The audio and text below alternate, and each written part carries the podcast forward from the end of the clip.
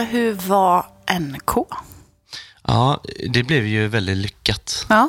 Tre stycken provningar, som jag har sagt tidigare, ehm, på kundklubbskvällen där. Och alltså, upplägget var ju att man anmälde sig till själva kvällen, men man anmälde sig inte på förhand till Man- provningarna. Var det så här först till kvarn på plats? Liksom? Ja, Ja. precis. Eh, så det gjorde ju ändå att man liksom strax innan den kvällen var lite så här, ja, alltså hur, hur många är här och vill testa folköl Ja, var du egentligen? nervös över att du skulle få stå där tom, tomhänt? Ja, alltså lite ett lite tag var det för att första provningen var liksom en halvtimme in på den kvällen bara. Jag tänker, då har inte folk riktigt kommit hit fullt ut så kanske. Nej.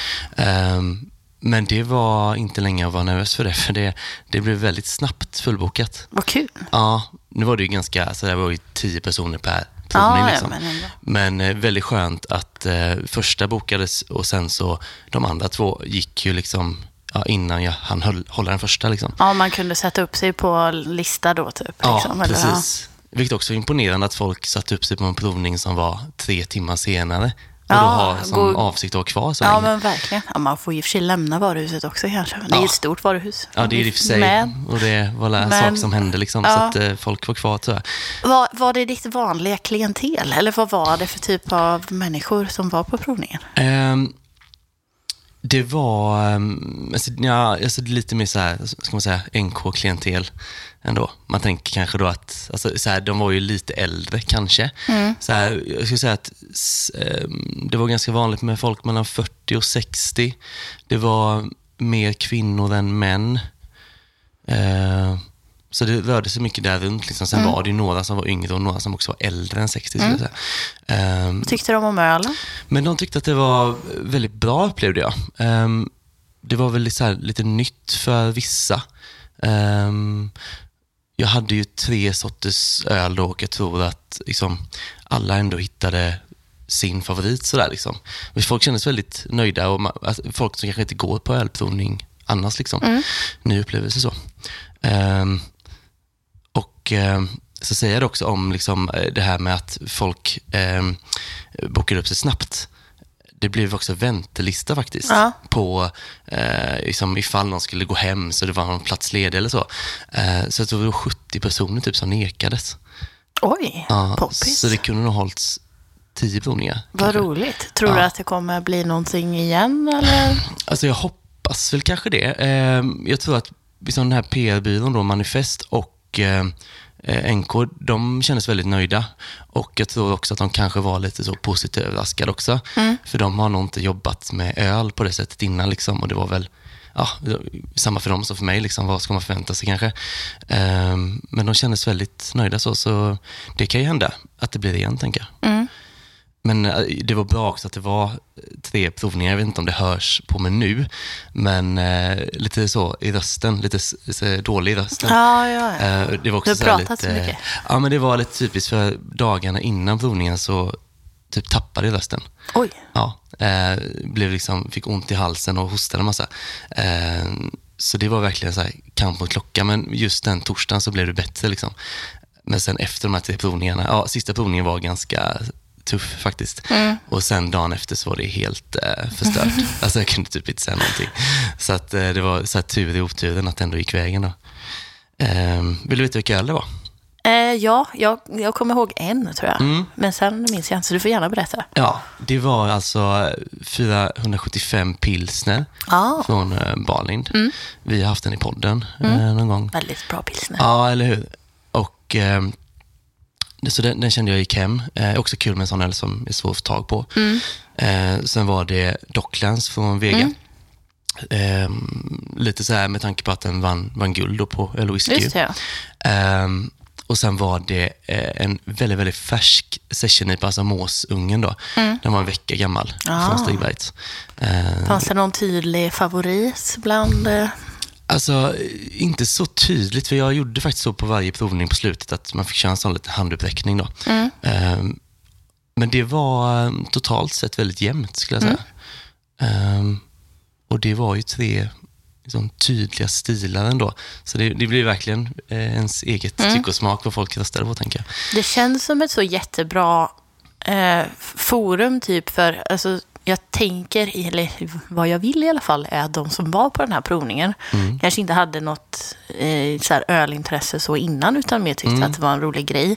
Och att de nu när de går till mataffären kommer att titta efter annan folköl än vad de har tittat för tidigare. Om de Ja. ens har tittat på folkölen på Nej, men mathyllan. precis. För det var ju en del som frågade så här, liksom, var kan man köpa den här och Mm. allt sånt där. Liksom. Så, ehm, det intresset upplevde jag ju ändå liksom, att det fanns. Ehm, så, så det, ja, det kan man ju verkligen hoppas. Mm. Ehm, och folk som så tyckte liksom att varför har man så eh, varför är det så mycket fokus vid eh, vilken alkoholhalt det är och sådär på öl egentligen? Är det gott, är det gott? Typ Ja. sådär. Ja, men lite som vi säger ofta sådär med. Liksom. Eh, så kändes det som att liksom, många tog till sig det. Så. Eh, så det var väldigt kul. Sen också lite surrealistiskt att alltså fortfarande att vara bland så mycket folk. Ja, Eh, och man känner liksom att eh, folk har, fan, de har gått och väntat lite på att det ska hända saker. Alltså. Det har inte varit öppet så länge, eh, samhället ändå. nej, verkligen inte. Eh, så ja, jag vet inte, det fanns en sån underliggande glädje liksom i att, för det här var ju första sån eh, kundklubbskvällen de har haft på flera år då Ja, just det. Ja. också. Så det var verkligen nypremiär liksom. Eh, så jag kan verkligen tänka mig att det är så här, folk som, alltså väninnor som brukar gå typ, och de har inte kunnat göra det på tre år typ, Ja. och så nu gick de och så var det extra kul. Eh, nej, så det var, det var väldigt roligt även för mig och eh, väldigt glatt allting. Har du eh, liksom kul? Det är faktiskt tre veckor sedan vi sågs nu kände jag. så Ja, allting blir typ en enda dimma när det går så lång tid, känns det som. Mm. Eh, och jag tror jag har varit... Eh, ja, det har varit fullt upp hela tiden. Jag har varit i Köpenhamn. Aha. Eh, Det har jag inte ens märkt av. nej, jag var på en konsert på Tool Ja. på Royal Arena. Mm.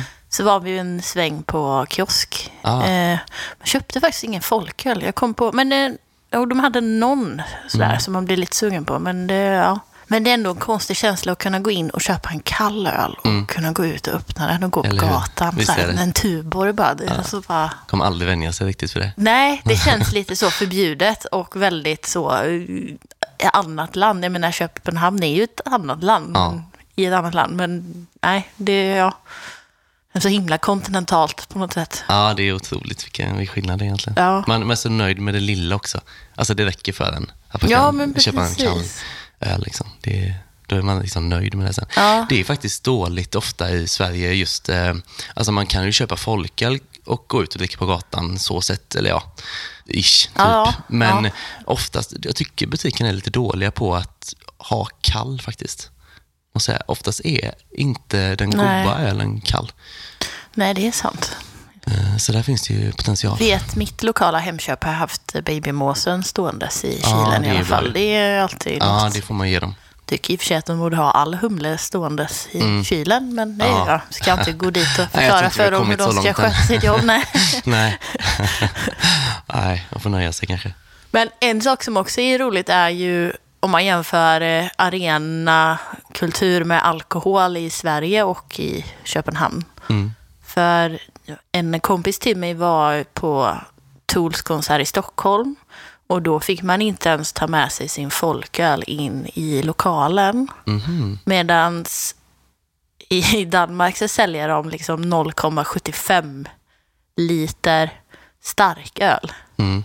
Som man får ta med sig in. Typ. Och grogg och vin och shotrör och hela, hela Ja, kittet. ja, liksom. det. Ja. Man måste ju inte folk vara liksom redlösa och helt borta för det. Typ. Nej, nej, men verkligen Eh, inte.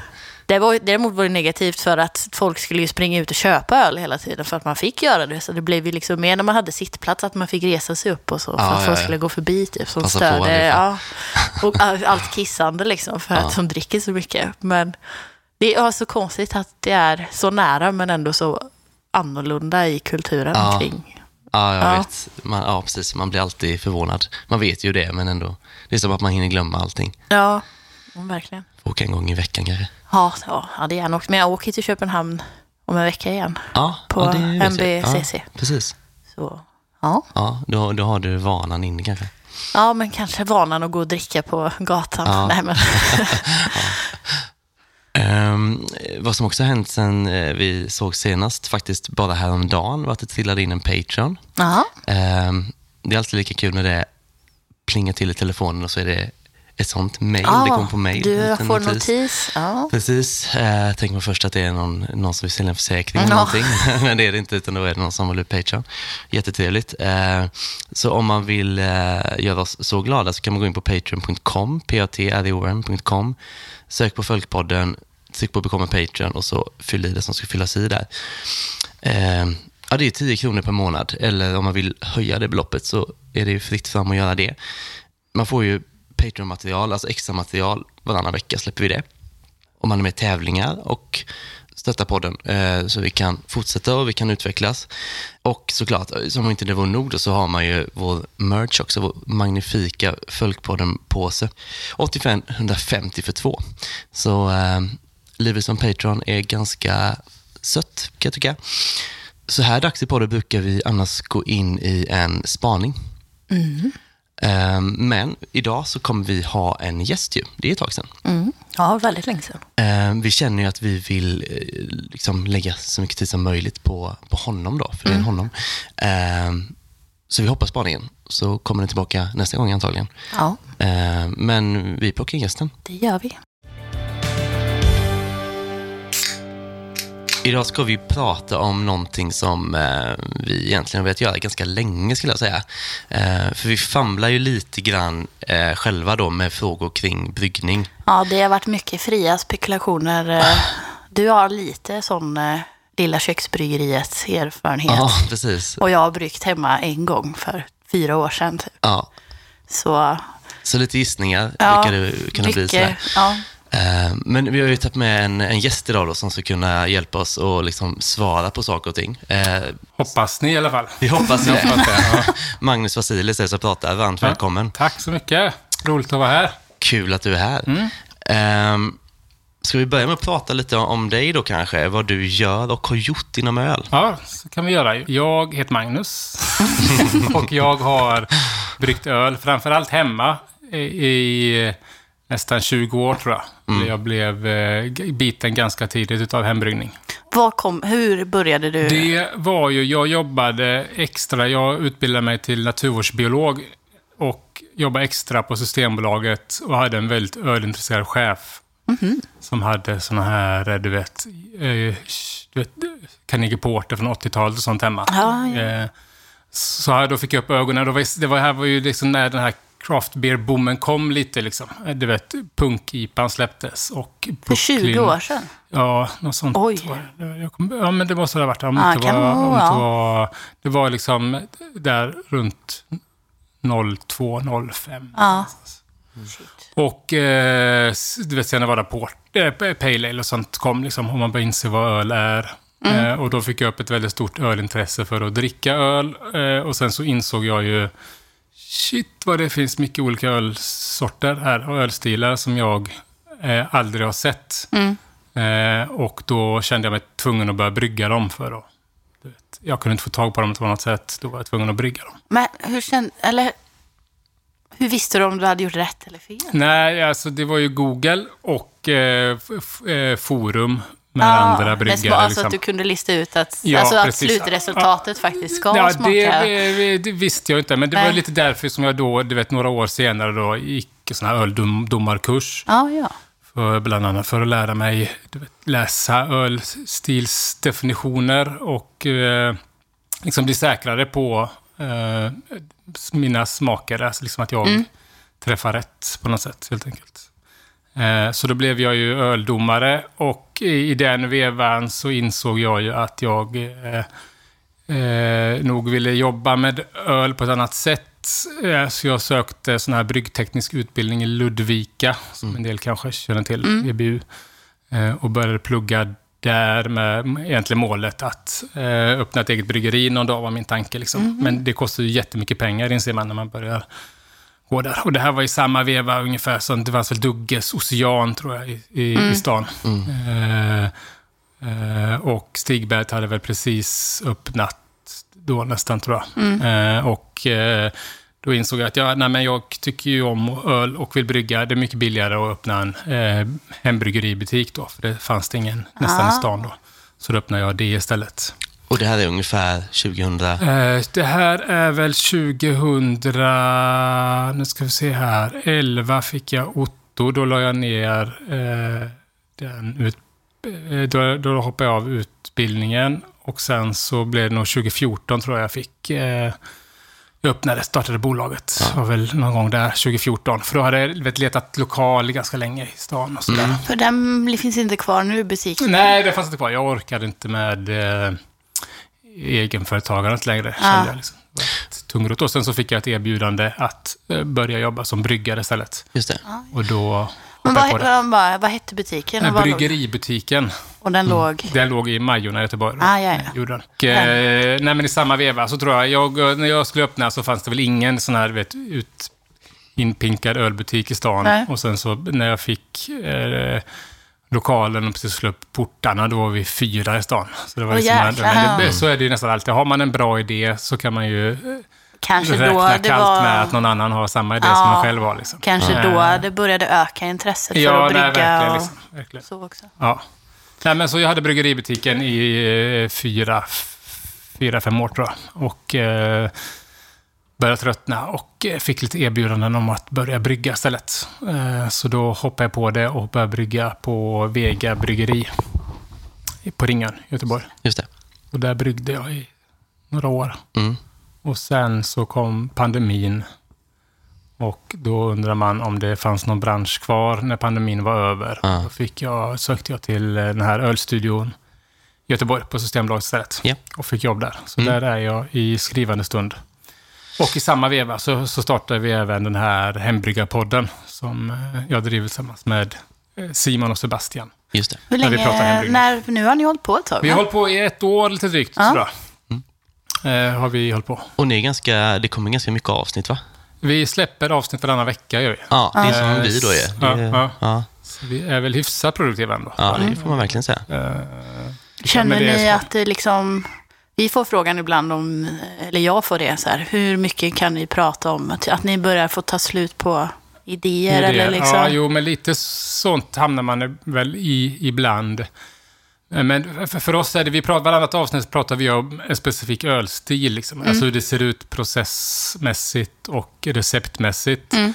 Och hur man brygger den. Och det finns ju bara x antal ölstilar. Liksom. Så någon gång så har vi ju gått igenom Ja, alla de där. Då får vi börja hitta på våra egna. det kanske har liksom. kommit Ja. nya, nya ölstilar. Ja, det gör det ju liksom. Visst, det gör det ju. Men eh, de är oftast ganska kort, kortlivade, de Ja. där nya. och sådär. Vissa slår ju, men ändå. Men det är det. Men jag, men jag lev, har väl levt i öl eh, världen på något sätt i 20 år, skulle jag säga.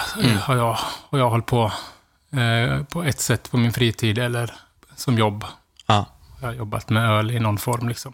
Men då är du öldomare också. Jag är öldomare och sen så håller jag på snart även sån här ciceron. Jag vet inte om du har talat om Ah, ja. den. Mm. eh, Certified cicerone. Jag har ett... Ölsommelier. Öl som är typ, Ja. precis. Ja, jag har ett. Jag var tvungen att ställa in två provtillfällen i London på grund av Yes. pandemin. Men Måste nu man åka jag- till London? Nej, för det är tvådelat. Så man har en eh, teoretisk del Ja. eh, som man sk- skriver online. Och sen så är det en praktisk del som man ska göra på plats. Ah, och det ja. är London som är närmsta. Liksom. Okej. Det kan vara London eller Seoul, typ. Liksom. Eller Oj. Tokyo eller San Diego. Och det är ju Ah. liksom härligt med San Diego, men Mm. det är för jävla långt bort alltså. Ja, lite mer av ett projekt. Ja, Ja, ja. visst. Nej, så det ska jag hoppas jag på i sommar. Mm. Det blir skoj. Kul ju. Eh, jag tänkte på, eh, du känns ju väldigt bred då i eh, liksom ölstilar och allt detta, har koll på det mesta kanske. Men tänker när du jobbar på Vega, är det liksom din typ av öl de brygger där? Eh, ja, det var väl en av anledningarna till att jag liksom kände att nej, men det här kan nog vara roligt att gå hit. Dels för att eh, det blev ju mitt jobb lite och du vet, göra eh, recept och sånt. Liksom. Mm. Så jag kunde väl styra lite alltså den processen, eh, hur recepten såg ut. Eh, lite som jag själv, i samråd med de andra självklart. Liksom. Men, jag, men jag fick en ganska rolig och kreativ roll där som jag tyckte kändes var, eh, var rolig. För jag menar, man skriver, alltså ölbryggning är ju, nu kanske jag du vet, svär i kyrkan, men, men ölbryggning för mig är en, det är en industriprocess. Liksom. Eh, det, det är det här med att öl är ett hantverk. för mig är det väl ganska mycket industri och det blir ju ganska lätt. Alltså det är inte så mycket som skiljer. Du vet, i slutändan är det inte så mycket som skiljer att jobba på ett bryggeri eller att jobba på eh, Findus. Liksom. Nej. Eh, Det är livsmedelsindustrier, bägge två egentligen. Det är väl lite glorifierat liksom, för Ja, att det- produkten alltså, är som den är. Produkten är som den är och anledningen till att man blir kvar är att det är en, alltså det är en härlig miljö att vara i. Alltså communityt är väldigt härligt. Det är en kollegial stämning och så vidare. Ja. Det är mycket, mycket därför man är, är nog söker sig dit. Men jag tycker ändå att eh, i de flesta fall, så, i de flesta ölstilar, så är ju ölen en industriprodukt. Liksom. Ja. Känns det fortfarande rätt att kalla det för hantverksöl? Alltså, det, där, där, där kan jag ju hamna i diskussioner med folk. Liksom. Ja. Men, men att, att, att för, för mig, så, alltså, för vissa så klingar det ju illa med namnet industri. Liksom. Eh, För mig, det behöver, liksom, det behöver inte vara något negativt med att den här produkten, eller att något kallas för industri. Liksom. Eh. Men eh, att vissa ölstilar tycker jag ju är fel att kalla hantverk. Eh, I vissa fall kanske. Vilken typ av Ja, lager? det är ganska eller? mycket välhumlat till exempel, Ja. tycker jag. För det kräver ju väldigt bra kontroll på syre till exempel. Det är eh, syremätare och burkmaskiner och du ser ju knappt ölet liksom. Ah. Eh, det är väl en grej och vissa andra Men du står där kanske. och slänger i lite torrhumling för hand? Och... Ja, precis. Men ofta så gör man inte det för hand längre. nej, liksom. nej. Eh, Nej, inte Utan det finns väl vissa ölstilar som kanske är mer hantverk, tycker jag. Då, då, då är det väl mer där man går vet, på smak och näsa, som gös och lambic till exempel. Ja, ja, ja. Eh, Och i viss mån säs- säsong belgisk Mm. öl. Eller gästfokuserad öl tycker jag är lättare att ha liksom, den känslan av hantverk Mm. eh, med på ett annat sätt. Liksom.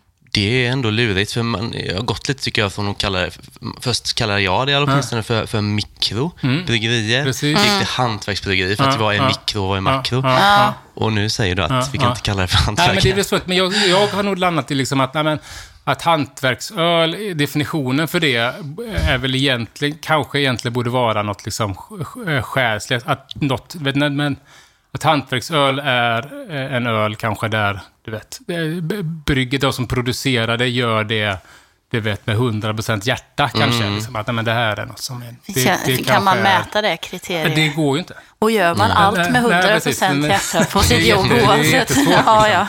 Men återigen, liksom, det finns, liksom, i- i- för mig så finns det liksom inget negativt i begreppet industriprodukt Nej, heller. nej, liksom. nej. Eh, Nej. Behöver, det behöver liksom inte vara. Visst att jag kan förstå att det kanske finns orsak för en del att hålla sig, eh, särskilja lite på, ja. på, eh, du vet, på industriöl och... Eh, Men jag tänker att det kanske snart börjar bli dags för det här som, alltså, som de har i USA. Med Mm. det handlar om att definiera det på, så här, det, hur, hur företaget är ägt och hur mycket Ja, volym de brygger och liksom något sånt. ja, men, så. men, men, men, men, eh, men, men eh, så är det väl. Men jag trivdes som bryggare. Det är liksom slitigt. Det är som du säger, väldigt oglamoröst Mm. arbete med mycket städ. Men det är härligt med rostfritt. Liksom. Ja. Brygger du fortfarande hemma? Jag brygger fortfarande hemma, ja. Ja. Precis. Ja. Det gör jag. En eller två gånger i månaden ungefär. Mm, så pass. Ja, det gör Snyggt. jag. Ja. Nu jag att folk har koll på dig. Om de inte hade det innan jajamän. så ja, har ja, du det nu. Toppen. Eh, ska vi... Eh, är du redo för frågor från två semikunniga människor? Jajamän, det är jag. Ja. Nu kör vi. Vi kör. Alltså, främst fokus på folk i den här podden ju. Ja. Så det är liksom någonstans där. Ehm, har du bryggt mycket folköl till att börja med? Eh, jag har bryggt mer folköl professionellt än vad jag har gjort hemma. Ja. Så kan man se det. Ha, har du bryggt exempelvis då på Vega Docklands? Docklands eh, var från början, det var mitt första recept tror jag, på, Ja, på. Vega. Precis. Mm. Så de två första folkölen där, eh, Docklands och Lighthouse, var jag med och tog fram. Ja, precis. För jag tänker, den har ju fått, eh, den fick ju guld nu Ja, på precis. mässan. Ja, Det ja, nu vet jag inte hur de brygger den idag. Nej. Men det- man känner nog igen sig, det gör man. Liksom. Hur vanligt är det att man, man justerar recepten lite Det eftersom? tror jag nog. Alltså, alltså jag tror att man justerar ganska, eh, man justerar ganska mycket. Men man justerar nog på det sättet att Eh, alltså du som brygger det, du vet, eh, känner skillnaden. Men konsumenten märker nog Nej. inte skillnaden. Och det kan vara att man inte har den humlen Ja, eller den... exakt. alltså- Ja, man kanske, du vet, brist på en humlesort eller eh, i viss mån kanske en gästsort eller Mm. en av maltsorterna slut och då byter man ut mot någon liknande. Så det är små, du vet, diffusa eh, smakskillnader som Mm. jag tror liksom att bryggarna känner av men inte konsumenten. Mm.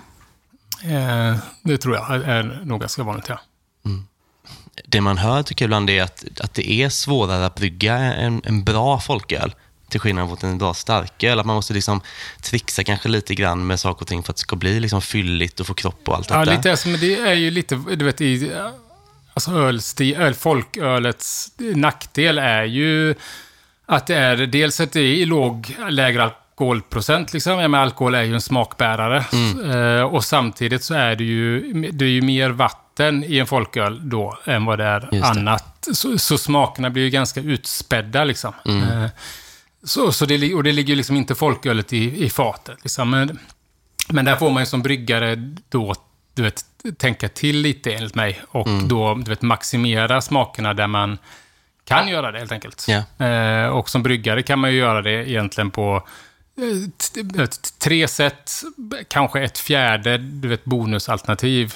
Och det är ju att använda ett, använda malt som smakar mer, kanske en vanlig basmalt eller en vanlig enkel malt. Två, använda mycket humle. Humle smakar ju mycket.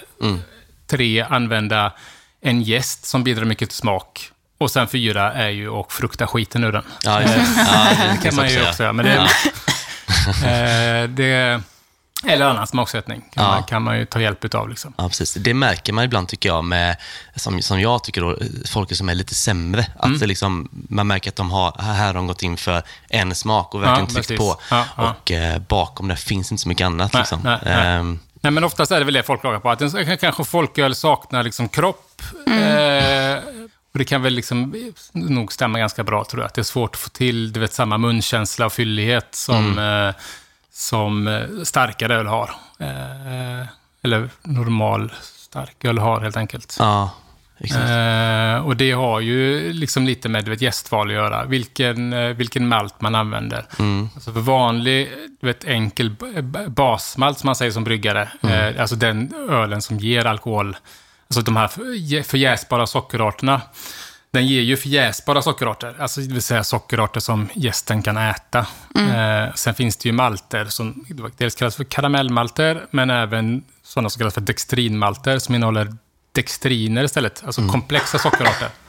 Och de kan ju inte gästen konsumera och du får mer restsötma Ah. och du får kanske mer kropp. Då, enkelt. Mhm, okej. Eh, Så man kan, så på så sätt kan man ju styra eh, kroppen till exempel med, eh, med maltsorter. Ja, Och sen så även då att med de här eh, enklaste maltsorterna, basmalterna, är ju ganska...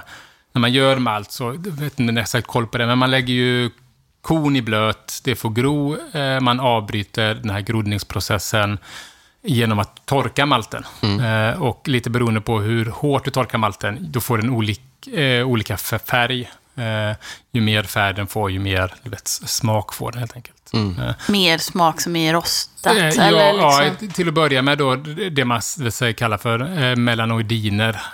Genomgår liksom mm, något som kallas för Maillners reaktion. Det är samma reaktion man ser på brödskorpa till exempel. Det är, det är också Maillners reaktion. Man steker någonting i en stekpanna. Det är också Maillners reaktion. Det är inte karamellisering, utan karamellisering sker vid mycket, mycket högre temperaturer. Eh, Men, men det skapar ju ändå du vet, smakämnen. Eh, och det... Eh, och, och, och som sagt, smak eh, vet, kan, kan ju bidra till att alltså, ge ett öl mer smak. Eh, så jag tycker att det är väl oftast en bra idé att använda eh, vad jag vill säga, du vet, komplexare maltsorter eller kom, i, i när jag brygger låg alkohol än om jag brygger vanlig öl helt enkelt. Just det. då ger en, ex, en extra hjälp då. ja men exakt.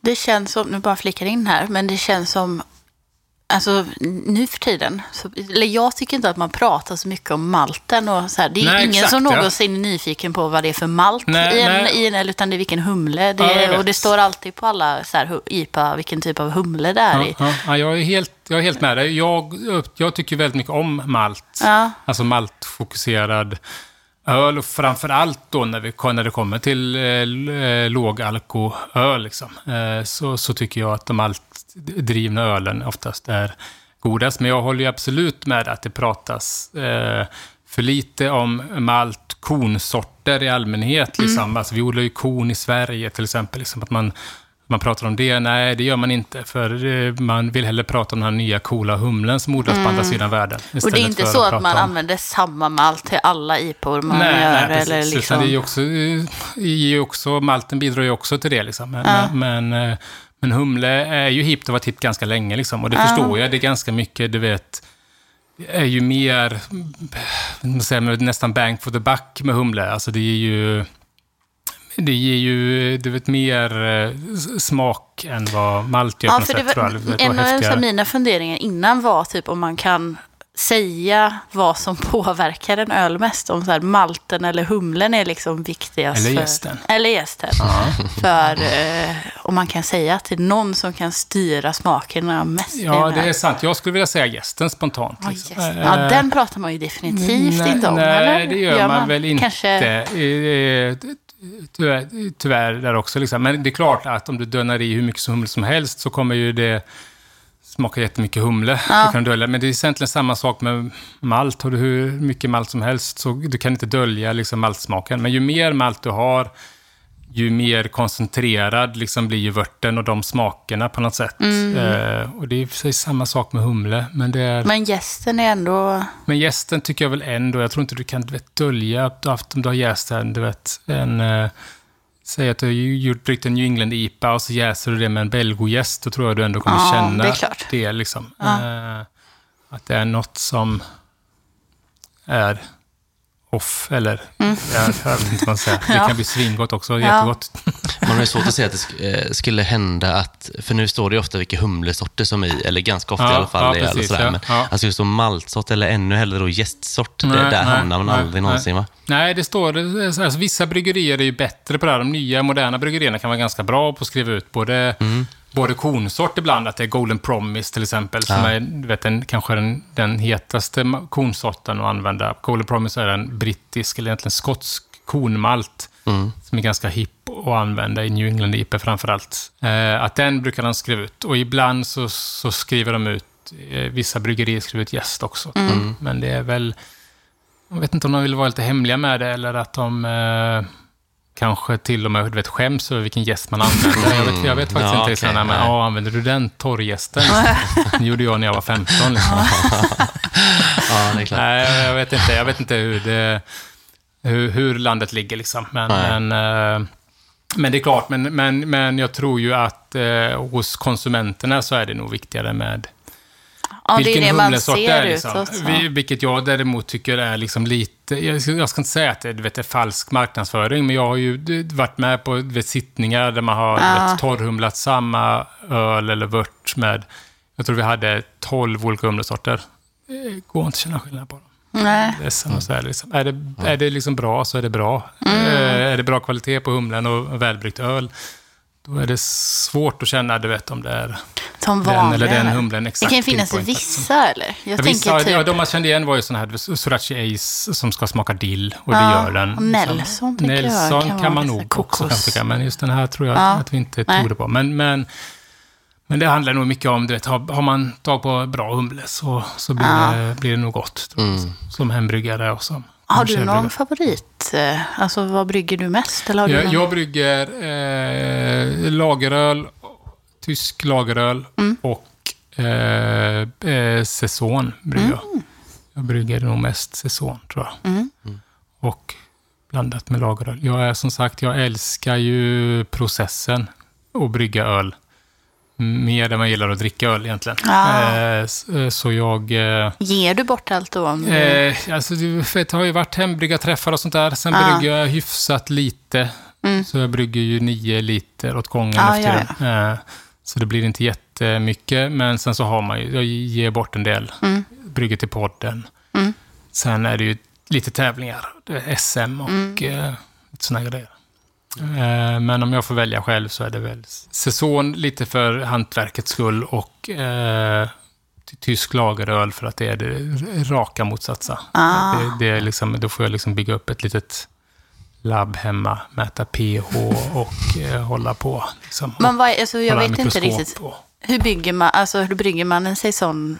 Vad är det som gör att det blir mest hantverk i? Nej, nej, men det är väl gästfokuserat. Tycker Ah. jag. Som jag återigen, gästfokuserat. Jag har min egna säsonggästblandning. Det är lite mer flaskjäsning. Det är lite mer du vet, smakerna som styr mer än, eh, mer än processen på något sätt. Men har du ett labb hemma då? Som jag du håller har på? faktiskt ett helt labb hemma. Ja. Ah. Man säga. Jag har mikroskop. Jag har inte en autoklav, men jag använder min tryckkokare som autoklav. Ja. Men jag sparar jäst och fryser in jäst och kollar på den i mikroskop. Sällsynt, men, men ibland gör jag det. Hur många hembryggare har så här? Det vet jag inte. Nej. Men, men jag, jag tror vi vet om ett gäng Ja. som, håller, som håller på på det här sättet. Men det är ju, en, det är ju nog lite mer... eh, För mig är ju ölbryggning lite mer en livsstil än en hobby på Ja. något sätt. Om du fattar? Eller det har blivit en, en del... Alltså de här grejerna, liksom, jag är ju mycket mer medveten om att för att jag har ett mikroskop hemma så brygger jag kanske inte bättre öl. Men Nej, för jag det var det min mysigt. eh, Liksom. fråga också. Ja, att så här, ja. Behöver man... Man Nej, kan verk- göra bra inte. folköl Gud, eller ja. öl hemma Absolut, utan att behöva ha absolut. alla Du behöver inte hålla på liksom. med allt sånt här Nej, skit som jag nej, gör. Men jag tycker att det är mysigt. Ja. Det är ju därför jag gör det framför allt. Mm. Men, men du kan brygga fantastisk öl utan att hålla på med såna, såna grejer. Mäta Mm. pH och, och kolla på ditt vatten och såna grejer. Funderar på det här med när du, när du var kommersiell bryggare. Mm. Är det jobbigt ibland då och lite frustrerande att, att det finns liksom olika ölklasser i Sverige? Om man tänker så här, nu ska jag brygga en folköl, den måste bli max 3,5 procent, annars är den liksom, ja då får man sälja någon annanstans antar jag då. Ja, det är det ju. Liksom. Alltså dels så sker det ju säkerligen kontroller, liksom. men, men, men det är ju olika, som kommersiell bryggare så är det olika skattesatser. Liksom. Mm. Du vet, 2,8 är ju, s- under det så är det ju skattefritt. 3,5 är det väl alkoholskatt och sen så över det en annan alkoholskatt. Eh, så, så det, men, men för mig så handlar det väl framför allt att du vet ha någon form av Alltså som bryggare och träffa rätt handlar ju mer om liksom, du vet, heder. Det vore Mm. väldigt pinsamt om jag som kommersiell bryggare bryggde en folköl som var på 4 Ja. Det vore ju till och med nästan farligt liksom. Mm. Eh, om folk köper den som folköl och tror att det är en folköl. Och, Men det händer så- att du gör det, eller? Nej, nej. det hände aldrig oss när vi bryggde det. det. Nej. Men då, då satsade vi mer på... Vi hade marg- eh, alltså man kan ju tänka att man kanske brygger marginalerna, med på marginalerna. Liksom, att man, att man, eh, man ligger, men, men, men nej, vi, vi missade. Eh, Missade aldrig. Men, Nej. men, men, eh, och, och när jag brygger hemma, då, då skiter jag ju fullständigt i det. Eh, Det är ju Mm. Ja, ja, då med... tänker du inte på det liksom? Nej, absolut inte. Utan jag Nej. tänker på det när jag tävlar, för då ska man ju ligga... Då har man ju sina ölstypsdefinitioner. Man ska ligga inom ett visst spann i Mm. Men alkoholhalt tycker du det är så enkelt att så här, pinga in rätt procent? Eh, ja, det har väl blivit så ja, efter, genom åren. Ja. Fast nu har jag liksom gått så pass långt så att nu eh, mäter jag inte ens. Du bara vilken- vet. Ja, nej, jag, nej, det var bara mer att det spelar liksom ingen... Det spelar ingen... Utan jag är mer... Jag, jag mäter för att veta att ölet har jäst färdigt. Mm. Inte för att ta reda på vilken alkoholhalt det är. Jag vet ungefär var den kommer Mm. att hamna beroende på sockerhalten jag får innan jag tillsätter jästen. Mm. Eh, och sen så är det viktiga för mig att den har jäst färdigt. Sen vad den har jäst färdigt till, det, jag kan ju vilja ha mina önskemål. Mm. Men det är sällan det har med... Det har inte med vilken alkoholhalt det blir, utan det har med vilken smak det blir. Om, jag, om den, du vet, hur mycket den har jästen har jäst ut eller inte. Mm. Men sen så blir det väl också, också så att man, när man väl har bryggt mycket med samma gäst så brukar man lära sig lite hur Mm. gästen beter sig och vad den i normala fall stannar på. Liksom. Mm. Eller så vidare. Ehm, även alkoholfri öl, Ja. tänker jag. Eh, det tror jag att du har också jobbat lite med på Vega, Ja, precis. Jag, jag var- jag var ju med när de startade sitt... Eh, alltså startade och började göra tillverka alkoholfri öl, så var jag var med. Sen så slutade jag i samma veva innan det, liksom, de här kom ut. Liksom. Ja, just det. Ja, men det är ju ungefär samma tankar där, alltså grund, grundmässigt helt enkelt. Liksom. Men där finns det liksom dock olika sätt att eh, producera alkoholfri öl på. Mm. Eller i alla fall två stora skillnader. Det ena är sånt här osmosfilter, alkoholfilter, och du i princip filtrerar bort alkoholhalten. Eh, och eh, det är ju en jätteinvestering, alltså ganska stor investering och även en, mm, du vet, ett, en mackapär som kräver att man har ganska stor volym. Mm. Eh, så- det går liksom inte att göra när man har tusen liters jästankar, liksom, utan man måste ha ganska stora jästankar tydligen för att göra det. Eh, Så därför är det ju framförallt industri, stora bryggerier som har sådana filter. Ja. Och sen så finns det det andra sättet då att använda eh, Saccharomycodes ludwigi, tror jag den heter, men eh, jäst som inte kan jäsa eh, maltos. Och maltos är ju den huvudsakliga sockerarten man får när man producerar vört. Liksom. Ja. Eh, så att den jäser bara väldigt, väldigt li- lite grann, liksom, så man hamnar under de här 0,5 procenten som är gränsen för ja, så då det brygger du som vanligt mer eller Man mindre? då? brygger i princip som vanligt. Man får tänka på vissa saker Mm. som jag kanske inte vill gå in på, för det kan vara lite yrkeshemlighet. Ja, mm. Utan det, men, men är man en duktig bryggare så, ty, så kan man nog lista ut vad man ska tänka på. Eh, men lite så får man tänka. Precis, Ja. Men framför allt, annars så är det väl eh, lite som att bygga upp en folköl, eh, nästan, i, i stamvörtsstyrka, vill säga alltså sockerhalten och maltbasen. Eh, och sen så jäser den ju inte ut lika mycket som en folköl gör, men annars så är det väl eh, ungefär samma, samma tanke tycker jag bakom att brygga Ja. Alkoholfri öl nästan. Som receptmässigt malt och humle. Och, Ja, för jag drack eh, just Vegas, eh, den isipan som har kommit Mm, precis, nyligen ja. nu. Mm, Eh, Och den är ju jätte, jättebra. Vi pratat Ja, om den ja. någon gång ja, redan. precis. så här. Ja, jag drack faktiskt den innan jag åkte hit också. Ja, du gjorde det? Ja. För jag, då läste jag också på burken, Ja. på innehållsteckningen. Då var det Ja. några saker där som jag kanske inte brukar se på Mm. en öl, kände jag. Natriumbensat och kalium Sorbat. Sorbat, ja, Precis. Det hittar man i läsk i vanliga fall. Liksom. Det finns Ah. ju i all, i all, i all läsk. Och det eh, säger jag ju är ju i princip ett måste om du brygger den här typen av öl. Mm. Eh, om du inte har då en eh, pastör, kan pasteurisera. Eh, för, för när du brygger den här ölen eh, och jäser med den här jästen, eh, då finns det ju väldigt mycket socker kvar. Eh, som den här jästen inte kan göra. Men det finns ju jäst överallt i, Ja. eh, annars. Liksom. Får du in en liten jästpartikel eh, så Ah. kommer ju den eh, ha du vet, grisfest där inne. Ja. Eh, och, och, så, och sen poppar, eh, poppar eh, locken. Och, och den är framförallt, den är ju inte alkoholfri längre. Liksom. Nej. Så natriumbensat eh, och, eh, eller kaliumsorbat är ju eh, ett ämne som gör att jästen inte kan fermentera helt enkelt. Den kan Aha. finnas där, men den kan inte fermentera helt enkelt. Den stoppar den möjligheten. Och det är liksom ing- inget... Jag tänker mig att, att när man är van vid att kolla på öl i vanliga fall så behövs ju inte det, utan, utan eh, då har ju gästen liksom gjort miljön så pass jobbig. Alkohol är ju liksom antiseptiskt och så vidare, så att det eh, behövs inte. Det finns ju gästsorter som man inte vill få in eh, förvisso, men det är ju liksom eh, en säkerhet. Liksom. Många andra bryggerier de pasteuriserar ju ölen som ställt, ist- istället, antingen innan flaskning eller så pasteuriserar man flaskorna eller burkarna efter fyllning. Då. Men de måste stabiliseras på något sätt. Och det här kallas då för att du vet, eh, göra en ke- kemisk...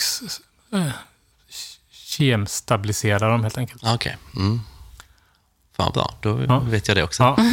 Ehm, har du mer frågor, Anne på någonting? Mm, nej, inte just så på rak arm, tänker jag nu. För vi har två lyssnarfrågor med. Mm. Tänk om vi ska ta dem istället då? Eller hade du Magnus någonting att säga? Eh, nej, jag eh, tror inte det. Jag tror att vi kan, det kanske kan, kommer in på det i så fall i de här två frågorna kanske. Mm. Vi gör.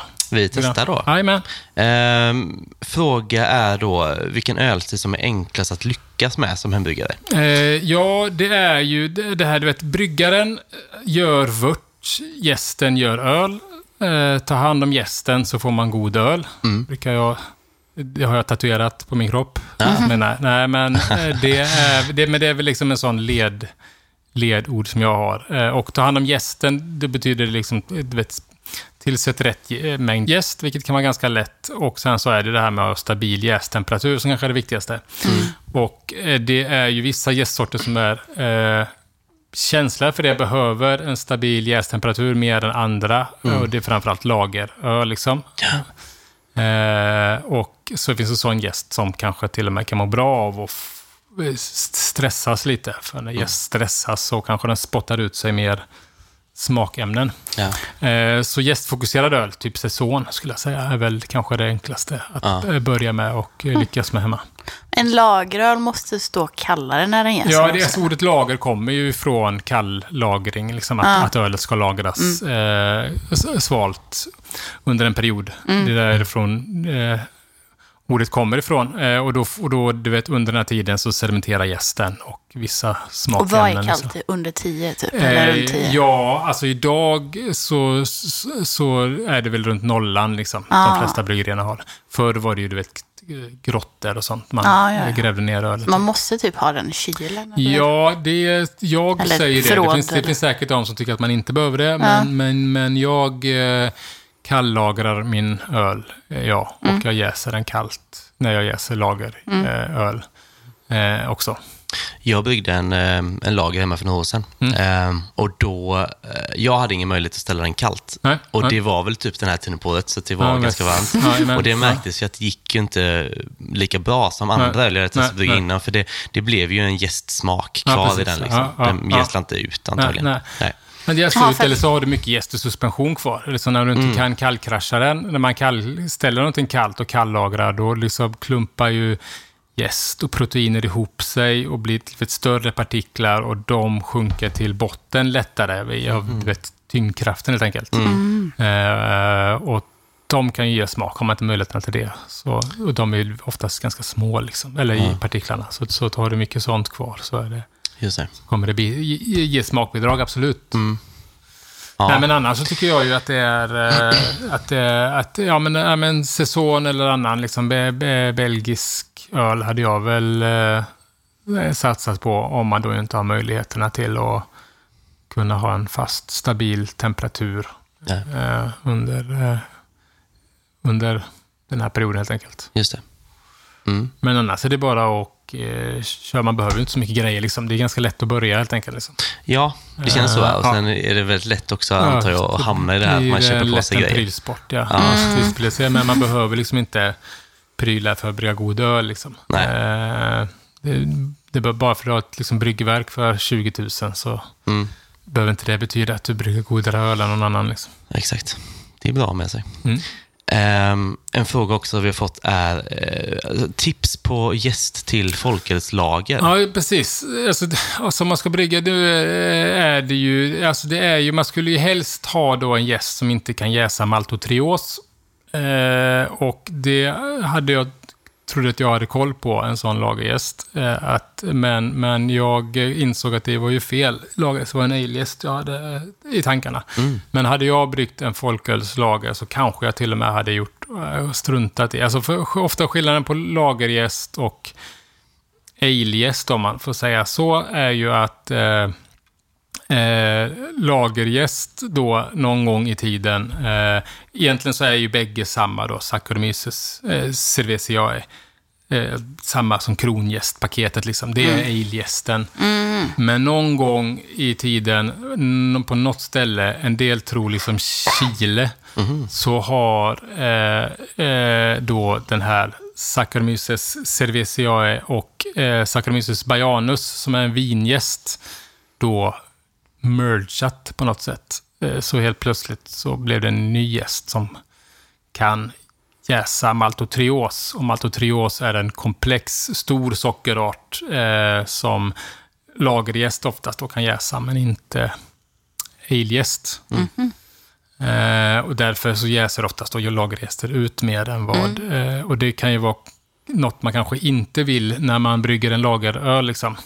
Så antingen hade jag gjort, eh, du vet, använt vanlig lagergäst, eh, vilken som helst, bara det att mäskat ganska högt och eh, använda sån här dextrinmalt med komplexa sockerarter. Då får du mer kropp. Alternativ två är ju att brygga det tyskarna skulle kalla för en Obergäring Lagerbier. Så Kölsch eller Altbier. Mhm. Och använda Kölsch-jäst istället för Altbier-jäst som då är en ale-jäst. Right. Som kanske inte kan jäsa ut maltotrios på samma sätt som Fast de jäser fortfarande så pass rent kan de göra som, som eh, eh, lagerjäst kan göra helt enkelt. Mm. Det skulle jag vilja köra på. Mm. Tror jag. Grymt. Ja. Vi, eh, är vi liksom nöjda med eh, den här delen? Ja, ja. De kom på några frågor under tiden. Nej, det blir, det blir ju tekniskt eh, avancerat. Ja, jag Eh, kanske skrämde bort massor med människor här. Nej, det är sant. Du eh, kanske lockade folk snarare. Eh, Men jag tänker så här, vi, vi ska ha en, en provning också. Ja. Eh, Mag- Magnus hade också med sig öl. Jag tog med ett par öl, ja. Ja, vad Ja. trevligt. För jag tänker att det kommer dyka upp eh, frågor under tiden Ja. där också. Jajamän. Så vi skulle kunna hälla upp helt enkelt. Mm. Ja, Magnus, nu har du hällt upp. Eh, nu har jag hällt upp Falcon Bayersk här då. Eh, 2,8, viktigt. Att det är 2,8. Är det viktigt? Nej. Nej, nej, men det här är väl en... Eh, vad jag ville prata om är ju det här med malt, till exempel. Här är ju en maltfokuserad ölstil. Och det är väl det jag tycker, de folkölen som kanske gör sig bäst är ju de eh, folkölen som är bryggd enligt du vet, stil. Det finns ju vissa ölstilar som är tänkt att vara... Och de tycker jag nästan är godast. Som Ordinary Bitter i England. Som är låg alko, liksom. Låg alko. Eh, i grunden. Listan. Tyskarna har ju börjat brygga något som heter Leicht- Leichtbier. Alltså lageröl med lägre alkoholhalt. Eh, vad finns det mer? Eh, Det, jo, det finns ju en av mina favoritfolköler som inte går att få tag på i Sverige. Jag har inte sett den i alla fall. Det är ju Bellhaven Best. Mm, jag har inte sett heller. Eh, som ju är, eh, jag tror det är typ Skottlands mest sålda öl, som är ju en svag skotte då, Scottish light beer liksom, som är extremt maltfokuserad, nästan lagerlik, de jäser liksom 13 grader, men väldigt gott. Och det här är väl så nära man nästan kan komma en svag skotte i s- Sverige, liksom, Yes. Falcon Bayers. Men alltså malt, malt i centrum helt enkelt. Mm. Så det man känner, eh, både smak och doft, är ju malt liksom. Mm. Precis. Jag gillar ju Falcon Bias. Jag sa det innan vi började spela in Ja. här igen, att eh, det är ju min så uh, ja, ful öl som jag gärna ändå Ja, köper. men, precis. Ja, men det, Ja, är ju ändå liksom, det är ju ändå, du vet, det är låg alkoholhalt, men det är ändå karaktär och smak. Liksom. Eh, och det är ingen liksom, ful smak, det smakar liksom öl, brödigt Ja. och väldigt maltigt. Liksom. Och sen så älskar jag ju eh, Münchner malt och alltså, li- de här basmalterna med lite mer melanoidiner, lite mer brödskorpa. Liksom. Så jag, eh, jag tycker ju att det här är väldigt gott. Och jag tror också att det är en öl man kanske kan lura folk med ibland. Jag tror att det är en stark öl, liksom, för att den smakar kanske mer än, en, Mm. än vad man kanske tror att en lättöl eller folköl ska smaka. Liksom. Ja. Jag har en fråga nu, men det kanske är. Eh, uppfattar det som att det är väldigt lite kolsyra den här. Nu hällde jag upp den väldigt hårt. Ja, Och det, gör och det jag kan alltid med, påverka. Ja, det gör jag för- i och med att jag vill att det ska smaka som en svag skotte. Mhm. Så, så jag... Eh, Alltså man Ja. häller, häller ja, hur precis. häller man hårt? Man, man, man slår dem hårt, ja. Häller upp dem hårt. Och det är väl också en annan liksom, sån grej. Man, alltså, eh, låg, bra lågalkohol har oftast lägre kolsyrehalt. Ja. Det är bara att kolla på britterna till exempel. De har också lägre kolsyrehalt. Och det finns liksom en, en eh, processteknisk förklaring på det. Och det är ju att kolsyra binder smak. Eh, Så har du mindre kolsyra, då kommer ölet smaka mer. Och det vill du att den ska göra. Jaha, mindre smak som i att den precis. försvinner ja, då precis. inte? Ja, Ja, ja, okej. precis. Ja. Ja. Har du hög kolsyrehalt när du häller upp det, mycket Ah, bubblor, så kommer ölet smaka mindre. Det är därför man till exempel ska dricka viss öl ur flaska, till exempel. För att då smakar den inte lika mycket. För att då har du inte hällt upp den och inte slått ut kolsyran. Ah. Eh, så sån här öl, maltig öl, tycker jag man ska slå väldigt hårt. Men om när man slår innebär det du lutar Nej, jag inte på nej, nej, glaset jag häller och den bara rakt på. Så att det blir mycket typ. Exakt. Ja. Mm. Och sen så häller på om och om igen. Så får du ta ett tag och hälla upp ölet. Men då blir den som bäst. En annan sak som binder smak är ju, är ju kyla. Mm. Så det kan vara en idé att kanske inte servera eh, folköl eh, iskall. Om det inte är världens äckligaste folköl. Ah. Då kan det vara en bra idé att servera den iskall. Dölja smaken. Exakt. Så om det inte är ord Ja, så ja, precis. är det... Ja. Nej, men, nej, men eh, så kan man göra. Precis. Men det är trevligt med den här typen av, det, det har kommit mer och mer med, med, med det brittiska även hos eh, hantverksbryggerier. Ja, exakt, ja, Eh, ja, så ja. Att det här, jag tycker också att det här är ju Ja. toppen och eh, det är kul att det har gått och breddat sig så pass. Ja. Nej, hur långt är det från det här till en bitter, typ? Ja, det bitter är ju mer smak från gästen till att börja med. Ja. Så, eh, alltså, I form av stenfrukter oftast. Persika, aprikos och sådär när det är färskt. Eh, och också mer humle. både bitter och i arom, skulle jag vilja säga. Den här är det som sagt malt. Mm.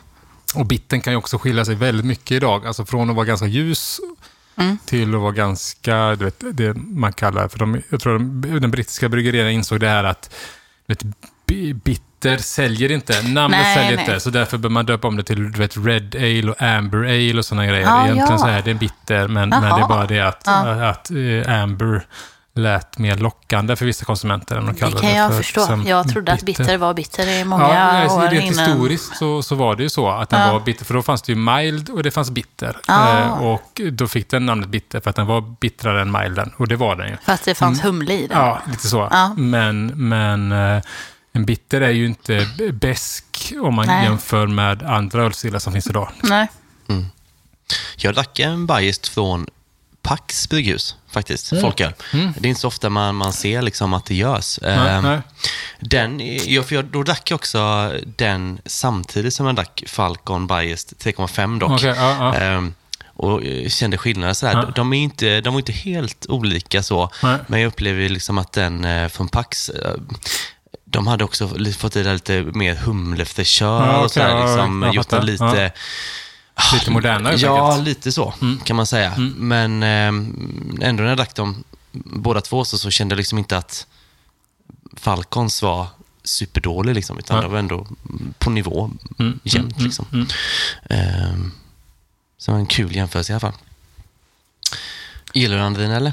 Ja. Mm. ja. Jag Det tar lite till här. Ja, gör det. Jag, jag, jag känner att det är... Man hade ju gärna sett att eh, en del ställen hade bytt ut sin liksom, Prips eller eh, Falcon, någon ljus Falcon mot, mot detta, typ konserter, eh, evenemang. så, Jag blir inte ledsen på Gamla Ullevi om ni hade kunnat dricka Falcon Bayer. nej, Nej. jag, jag tror också att folk blir bortskrämda av när man häller upp den. Alltså hade hade Ja, folk fått dricka den här direkt ur burken eh, så Ja. hade man inte tänkt på att den, eh, att den är mörk. Nej. Eh, bara att den kan få smaka lite mer Ja. än... Eh, det, det tror jag att... att för, menar, den smakar ju inte Porter Stout. Nej, nej, liksom. nej, nej. Eh, och den, eh, utan den fortfarande... Jag, jag tror att om man skulle få den blint, helt, helt blint i ett mörkt rum så skulle man inte gissa på att den var särskilt mörk. Nej, tror inte jag heller. Vi tänkte sätta betyg också ju. Ja. Ehm, kanske inte Magnus. Nej, jag struntar i det. Ni Ja. får, eh, jag får höra vad ni... Precis. Eh, och då tänker jag att du kan få börja Andrin. Nej, du får börja. Jag okay. det har jättesvårt. Ja, men jag kommer sätta tre- 3,5 blir mitt på denna. ja. Mm. Jag vet inte. Ja, alltså. Jag har inte druckit så mycket annan Bayers. Jag har inga referensramar kring eh, folköls. Nej, Det är inte så många som eh, tillverkar. Liksom, eh, återigen, liksom, i Tyskland har de ju börjat med att brygga... eh, För jag menar, grundstilen är ju... eh, skulle vara härma då en dun, dunkel, dunkel lagerbier. Liksom. Eh, och det har de börjat göra. Dunkel Leichtbier då, liksom. Folköls i, runt i München, liksom. Mm. För de som tränar. Mm. Bara säga. Mm. det är liksom sånt. Jag tror det är därifrån det kommer. För light betyder typ, det är istället för eh, light beer liksom. Som Ja. man har i USA. Eh, men vad motiverar ditt betyg? 3,5? nej, men att det är ganska gott. Ganska gott, typ men så. inte... För jag tycker det är gott liksom. Ja, visst är det.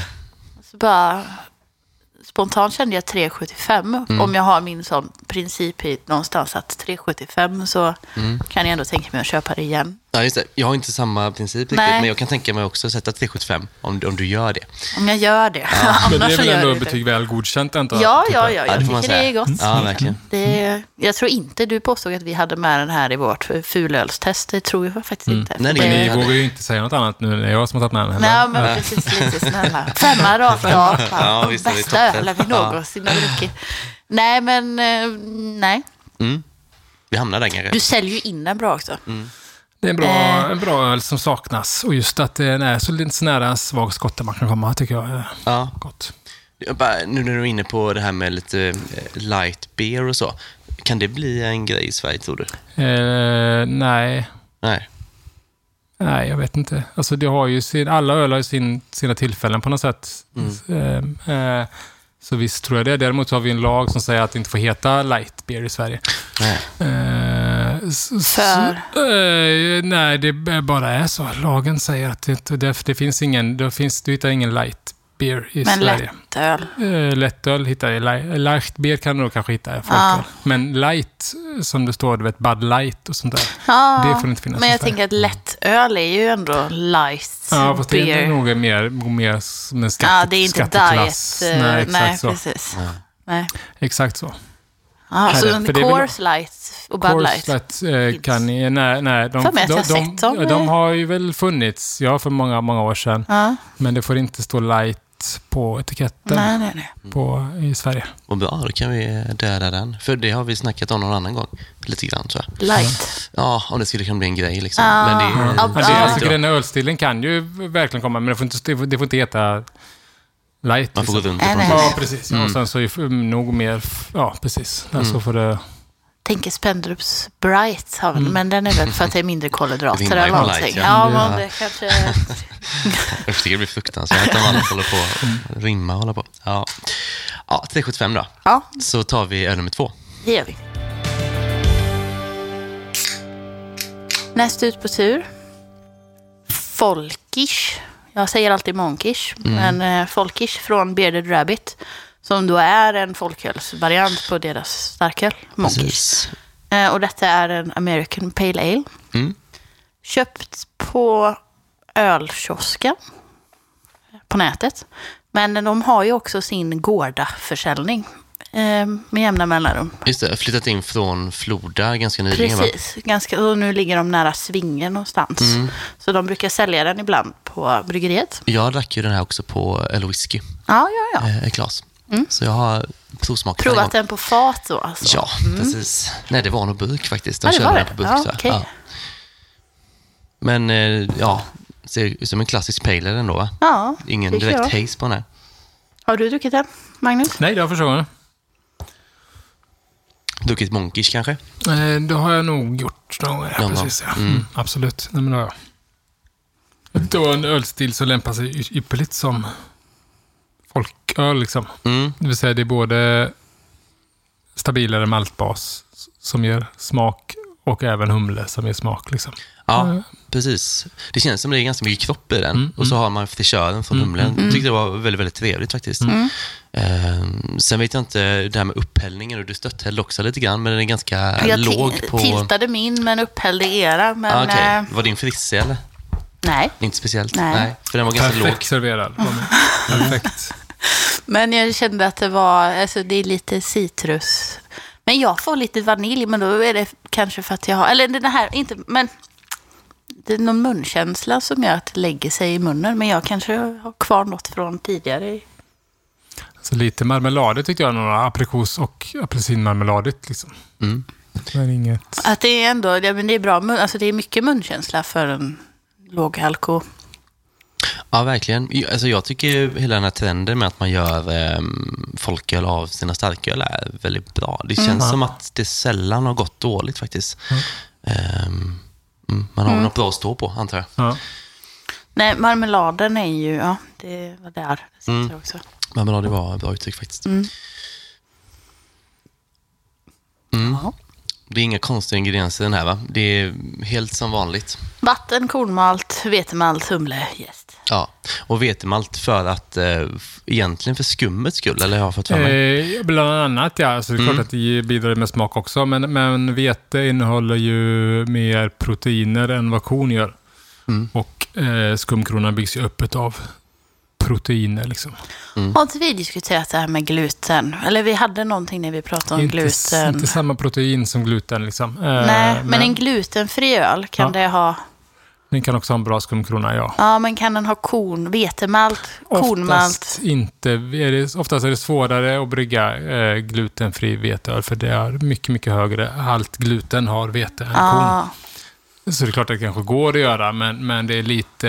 Men, men det har ingenting med malten att göra? Man kan ha vetemalt i en glutenfri ja, öl? ja, det kan du ha, ja. Men, utan, utan, för att kallas glutenfritt så ska det också återigen mätas. Så att det ska vara under 20 ppm parts per million eh, gluten kvar. Man kan ha Eh, lite gluten i. Ja, precis. Men ju mer vete du är i, desto svårare blir det att hamna under de här 20 ppm. För Mm. att vete innehåller så ofantligt mycket mer gluten än korn. Liksom. Vad, vad tycker du eh, om den? Eh, Vad vill du sätta för betyg om det var det jag fiskade efter mest? Mm, men jag... Jag har lite svårt för när det blir... Jag gillar när det går ihop lite mer. För jag tycker att det är först väldigt marmeladigt och sen sitter beskan kvar ganska länge. Så det dansar inte i munnen samtidigt riktigt på det sättet som jag vill. Nej. Och när det mm, marmeladigt och inte så sött på det sättet och inte så tropiskt så är det också lite...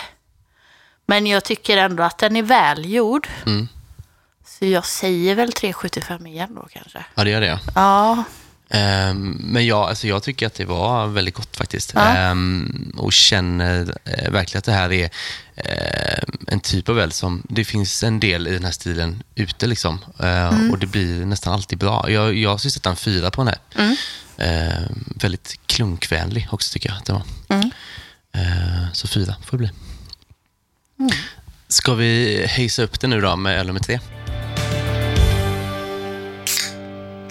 Tredje ölen här nu då har jag med mig från, eh, jag fick den av eh, Jonas Sparlind på, när han lämnade bärs till NK.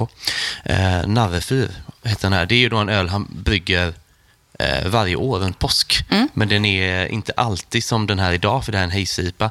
Jag vet förra året var det en eh, mörk lager. Då. ja, för jag tänkte säga det att jag drack den förra året.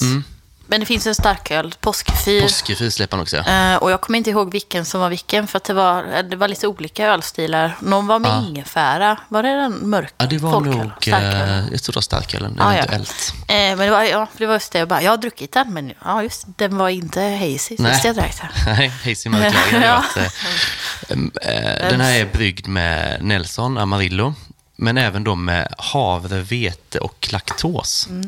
Och laktos i IPA, Magnus, då, vad får man av det? Eh, ja, du får, laktos är ju ett eh, icke förjäsbart sockerart. Liksom. Alltså jäst kan inte eh, jäsa. Eh, laktos, det finns jäst som kan jäsa laktos, eh, sådana vildjäst och sånt.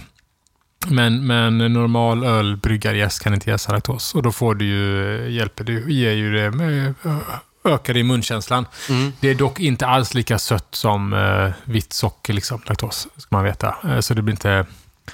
Inte Det blir inte lika, liksom, det blir inte lika, lika sött, liksom. men det blir väl lite mjölkigt och ger en, eh, en viss munkänsla lite grann kanske. Jag eh, ska inte säga att man kan spotta det liksom, Nej. och vad laktosigt det smakar. Utan eh, det är liksom ett hjälpmedel, eh, framförallt när man brygger sån här öl, att få den att inte kanske jäsa ut Mm. Till det den ska, utan, utan lämna, lämna lite kropp helt enkelt. Det här är ju lite grann eh, eh, antitesen till den ölen som, som du hade med dig här, Ja, lite så. Mm. Vad tycker du om eh, Hazy IPA som folköl? Eh, Jag tycker också att det är väldigt bra faktiskt. Men det är samma sak där. Framförallt om man lyckas få en... Det här var ändå ganska bra, eh, var bra kropp liksom. Eh, så att den, återigen, den känns som att den har lite mer stuns än vad den har. Och sen så var det ändå ganska bra, var bra humlekaraktär också. Tycker. Mm. Är det viktigt att den är färsk? Ja, det är det ju. Ja, Alltså egentligen så är det ju, är det ju så. Frågar du mig eh, eh, personligen så, så, så ska all öl drickas färsk. Det finns bara en ölstil som vinner på att lagras. Och det är Lambic och Gös. Ingen annan ölstil vinner på att lagras. Så hem och töm era ölkällare på Impstals och Barley Wines. Eh, De antagligen redan dåliga. Sneglar mot mitt skåp här. Ja. Eh, men det är min hög. Jag tycker jag gillar inte eh, eh, gammal öl så mycket. Liksom. Nej. Eh, men, så det är viktigt. Men tid är väl extra taskig mot just humlearom och mot gästkaraktär. Så gästfokuserad öl och humlefokuserad öl är väl kanske de som tar mest skada snabbast på av tid. Liksom. Men, men, men och sen ska man säga att har man någon kallt så försvinner nästan, alltså den effekten eh, försvinner ganska eh, mycket. Liksom. Så. Eh, ja.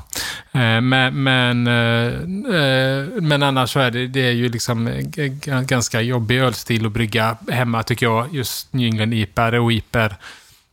Också för den orsaken skulle att de tappar ganska fort, eh, men också att eh, det eh, alltså min bryggarkunskap, eller du vet, om jag, hur jag lyckas med bryggningen, kan nästan vara sekundär när man brygger sån här öl. Utan det, allt handlar om att få tag på bra humle. Ja, ja. Så, så, så humlen Det känns kan... som att det är ganska vanligt med Ja, he- hemmabryggs-IPA. Ja, ja att det, men när, när vet man att man, det är lite, det är lite liksom... eh, Lite, det handlar om tur och roulette att få tag på bra, bra Mm. humle. Och kanske inte använda dålig humle. Men det är ju sällan man har fler paket när man står där hemma och ska Mm. ta och rumla någonting. Mm. Men, eh, men det var alltså, som, sagt- som sagt mycket humle. Det är ju Mm. något, då bygger man ju smak på den, det sättet. Och laktos, alltså höja kroppen med hjälp av det, gör ju det eh, som att det nästan smakar som en starköl. Att man skulle också kunna lura någon med det tror jag. Mm. Det Jag, jag tror verkligen det. Man skulle var- kunna lura någon. Men jag syns att jag tyckte det var fint i att jag tyckte att det var... Jag kan tycka att det blir jobbigt med laktos när det sätter sig och blir liksom så här, som jag pratade om förut med munkänslan, att det blir så gräddigt i gommen och på tungan. Och jag upplever inte att den här var det alls. Nej. Vilket jag blir väldigt glad över. Jag tyckte Ja. det här var supergott. Ja, jag tycker också det. Och det är väl en fin balans antar jag. Men sen är ju den här, jag vet inte exakt, men påsken var inte så länge sen, så den kan inte vara mer än tre, fyra veckor gammal kanske, tänker jag. Nej. Så bäst före 4 augusti, som har sex, sex, en månad då kanske, eller? Ja, sex det kan det vara. kanske. månader tillbaka så blir man väl i... Nej, nej det stämmer nog inte. Nej, jag Nej. vet inte. Nej, Den jag är ny i alla fall. Ja. Ja. Eh, Men det är man lite bortskämd med just med, med folköls-IPA i eh, Göteborg. Att man kan köpa en ofta väldigt färsk ju. Jag vet, Direkt från eh, lastkajen, Ja, ja. Mm. Stigbergets exempelvis. eh, För nu hade jag ju deras eh, session-IPA på provningen och jag fattade som att den var burkad torsdagen vecka innan min provning och då sålde de ju den fredagen, dagen efter burkning. Liksom. Eh, Det är ju en, en fördel med eh, folkölen verkligen, att man får den så väldigt eh, färsk. Och man bor i Göteborg. Ja, eller ha nära till något Ja. annat. Men absolut, eh, det gäller att bo rätt ibland. Ja. Jag tyckte den var super. Jag har druckit många eh, New England IPA folköl senaste veckorna. Vi har gjort det i podden och så med ju. Eh, Jag tycker att det här är bland de bästa på ett tag faktiskt. Det här är ju babymåsen-nivå för mig. Ja, jag tycker också det. Ja. Ehm, jag tänker slå på stort och säga 4,75 på den. ja, det är jag och vi är överens. Ja. Så håller man den lilla, lilla 0,25 Ja. öppet fortfarande Till någon gång. någon gång. Jo, men jag tror babymåsen fick nog fem. Ja, vi har ju gett ut några stycken. Men då, då blir man lite mer kräsen också. Nu skulle man vilja justera alla. För när babymåsen kom, då var det ju... Jag har aldrig druckit någonting liknande. precis. i, alltså den, Den var ju ändå lite först med där. den, Ja. den här typen av Ja, Mm. New England-folkis. ja de har känt liksom. kom hela vägen fram. Ja. Liksom. Ja, verkligen så. Ja, men då så. Överens. Mm. Ehm, och en öl kvar har vi. En riktig di- dinosaur, höll jag på att säga. Gammal, riktig gammal skit. Ja, det ska bli underbart. Det häller vi upp. Det här är ju då kvass. Jag vet inte om jag pratar om kvass, men det är ju någon sån här eh, gammal östeuropeisk eh, Baltikum, Ryssland, eh, råg, vört, Mm. öl, kolsyrad. Man gör på gammalt bröd ibland, tar vara på grejer. Vi har typ inte pratat om det, men jag vet jag drack kvass på Portfestivalen. Mm. Eh, då så här, nämnde det bara, Okej, men in, ja, absolut ja, inte mer än så. ja, Så det spännande. Jag Mm. vet att jag drack det på Mikeller Wild Ale Celebration. Ja. var det Fonta Flora, amerikanskt bryggeri, som, hade med sig kvass. så här 2,8 procent i kvassen. och det var liksom bland det godaste jag hade drack Ja, på hela den. eh, Ja. Det var... Det är häftigt med amerikansk. De bryr sig mer om eh, europeisk ölkultur än vad vi i Europa gör. Är det så? Vissa- Ja. Ibland, när det kommer till säsong och sån här typ av vild, så plockar de upp såna Adambir och Ah. såna här grejer som är ett utdöda Europa, liksom, men de brygger det. Eh, tar tillvara på det. Och det här är ju sött, liksom, det är nästan, oh, du vet, vi är nästan kolsyrad eh, kolsyrad vört. Liksom. Men anledningen till att jag eh, tog med det här var ju alltså dels du vet, mina rötter, rötter till Lettland. När man är där så kan man väl köpa, det kommer en sån här tankbil med kvass som man går och köper iskall. Vadå, från, direkt från... Direkt från, tankbilen? eh, ja, typ ja. Eh, någon, mjölkbud, någon, liksom. Mer liksom som någon sån här, eh, inte tankbil utan mer någon sån liten eh, street food truck liksom, som man kan Ah. köpa. Nej. Eh, fylla på petflaskor och sånt. Liksom. Eh, och jag tycker att det är ju, det är ju vuxenläsk, liksom. det är ju Ja, sött verkligen. och sådär. Liksom. Eh, Men jag uppskattar, men det vad jag ville komma till är väl mer det här med att eh, ölstilar, eh, tradition, där där man har en tradition till att brygga låg alkogrejer eller har en sån kultur som är baserad Mm. på det, så blir det oftast bra. Liksom. Jag menar, som svagskott är bitter och mild, det har man liksom bryggt i 400 år. Eh, varför har man gjort det? Jo, för att det är gott. Ja, Eh, så, så det tycker jag väl är rätt eh, skoj. Och det här är väl liksom också skoj. Det, alltså det är ju gott, men det är ju inte... Det, är det öl liksom? Det är lite läsk. Det är svårt. Men är det öl? Alltså, det klassas som öl när det... Jag vet inte. Det, alltså, öl blir det ju först... eh, Sekunder du tillsätter jäst så blir det öl. Ah. Eh, till vörten då. Innan det är det ju vört.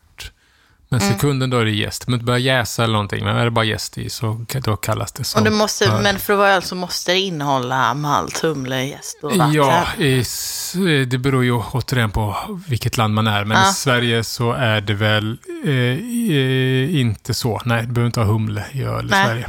Mm. Men, eh, eh, och, men jag tror ändå att eh, stärkelsen, alltså sockret, måste komma från eh, mältat havre, vete, korn eller råg. Ja.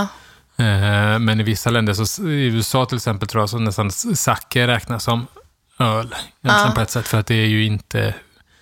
Det är ju, kommer från ris som är ett spannmål Ja. och så vidare. Vi pratade någon gång om varför typ seltzer, för det räknas väl som öl? Eller? Nej, det är en blanddryck är det. Ja. Eh, är det. Men att det ändå klumpas ihop med öl på något sätt i Det- vissa, för att det är bryggerier Det som gör det. bryggerier som gör det. Ja, precis, ja. Vi pratade om att det hade något med var alkoholen kom ifrån. Ja, Men, när, eh, ibland så är det ju så, det, så var det mer förr, då det fanns blanddrycker, och så, men då handlade det också som sagt, var, var, var det maltbaserat eller var det ett sockerbaserat, eh, eller var det bara blandat med ren sprit och så vidare. Vissa var ju ibland maltbaserade, Ja. men, men, då kan det ju räknas men som, eh, som klassiskt exempel är väl eh, ginger beer, Ja, är ju oftast blanddryck, det är ju socker. Ja, för det är inte öl, nej. Nej, det är Nej. inte, nej. det är inte öl. och det får ändå heta beer då, men det... Ja, Men det hade ja, inte fått heta ingefärsöl, eller? Nej, antagligen inte. Nej. Nej. jag vet faktiskt inte vad, Nej. vad, vad definitionen är sådär. Nej. Men, men, men oftast, jag tror att det säkert finns exempel då det, då det är, verkligen är malt. Liksom. Mm. Men ganska ofta tror jag att det är bara mer som en hård seltzer igen. Vatten och socker och jäst. Denna var alkoholfri, sa du va? Ja, Jag, jag hittar ingen eh, procenttal på den. Det verkar till och med vara bryggd i Tyskland av alla ställen. Nej, det stod bara rågmalt, 1,8 Ja, men jag tror procent. kvass ska det vara råg. Liksom. Det, är, eh, det ska vara råg i en kvass. är väl en av de här grundgrejerna. Liksom. Jag tror liksom ursprunget är också att man tog tillvara på gamla råglimpor liksom, som man la i blöt igen och sen Ja. små jäste eller blandade ut och gjorde vatten av. Smakar ju ganska mycket honung tycker jag. Ja, det lite sirap och. Mm, Ja, sirap på verkligen. honung, ja.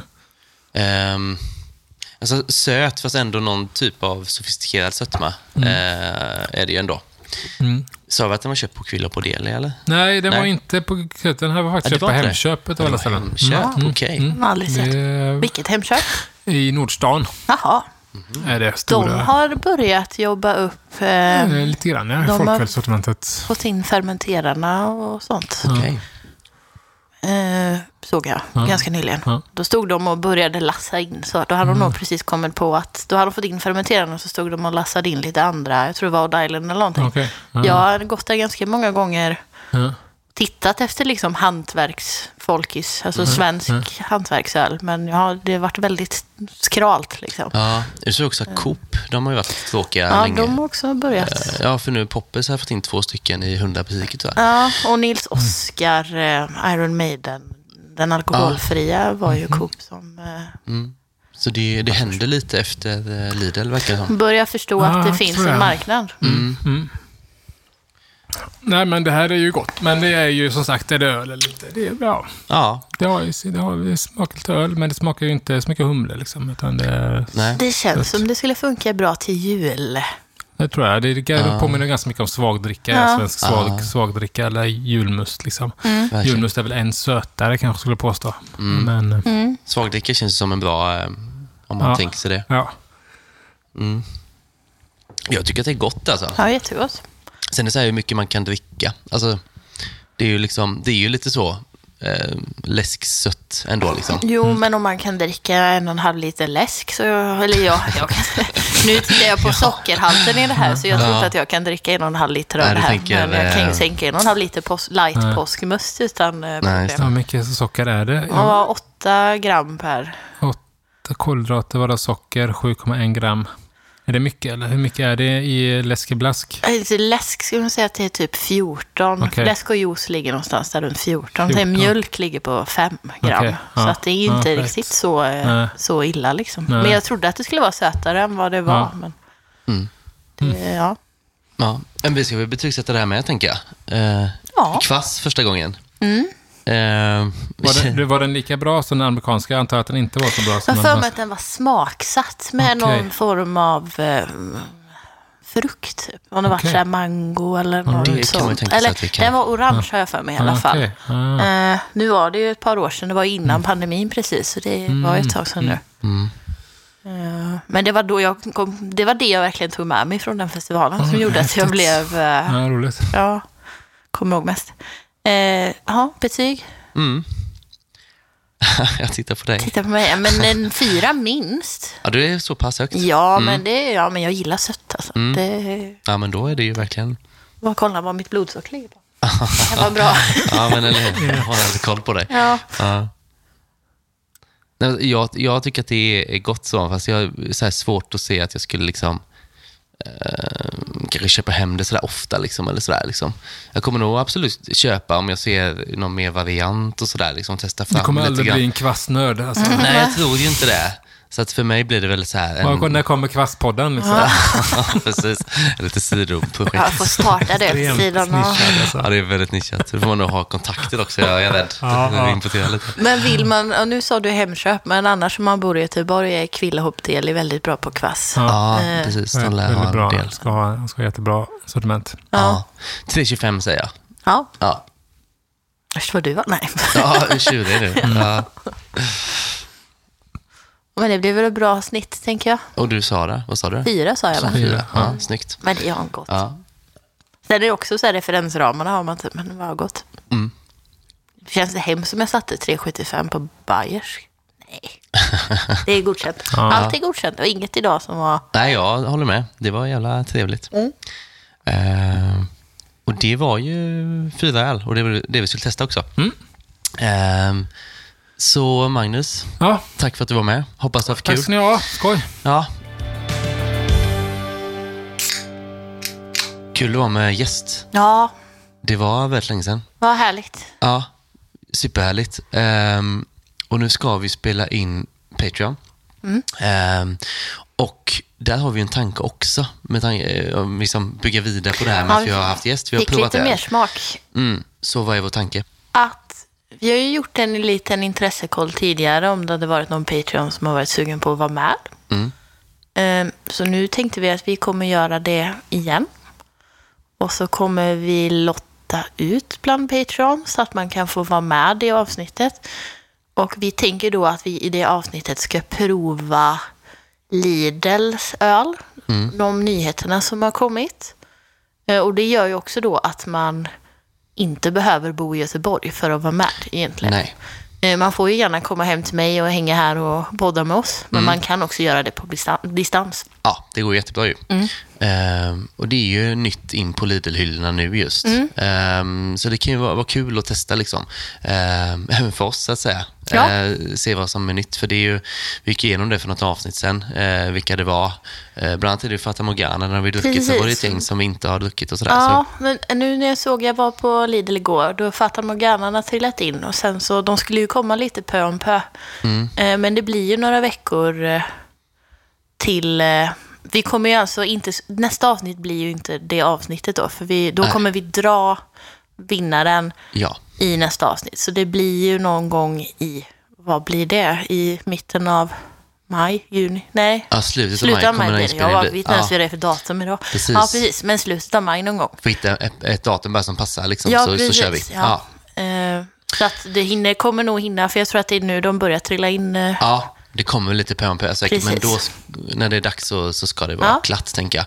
Ehm, och då är det ju att man ska vara Patreon. Mm. Ehm, och vi kommer att skicka ut ett eh, meddelande till alla som är Patreon. Ja. Ehm, Så kolla mejlen va? Kolla mejlen, ja, Ja. precis. Och se där liksom. Och så svarar man på det i så fall om man vill vara med. Precis, vi kommer inte tvinga någon Patreon som inte vill vara med och vara med. Liksom. Så att det är de som intresse ko- anmäler sig Ja. som vi lottar med. Och om man lyssnar på det här och inte är Patreon men vill bli Patreon för att vara med.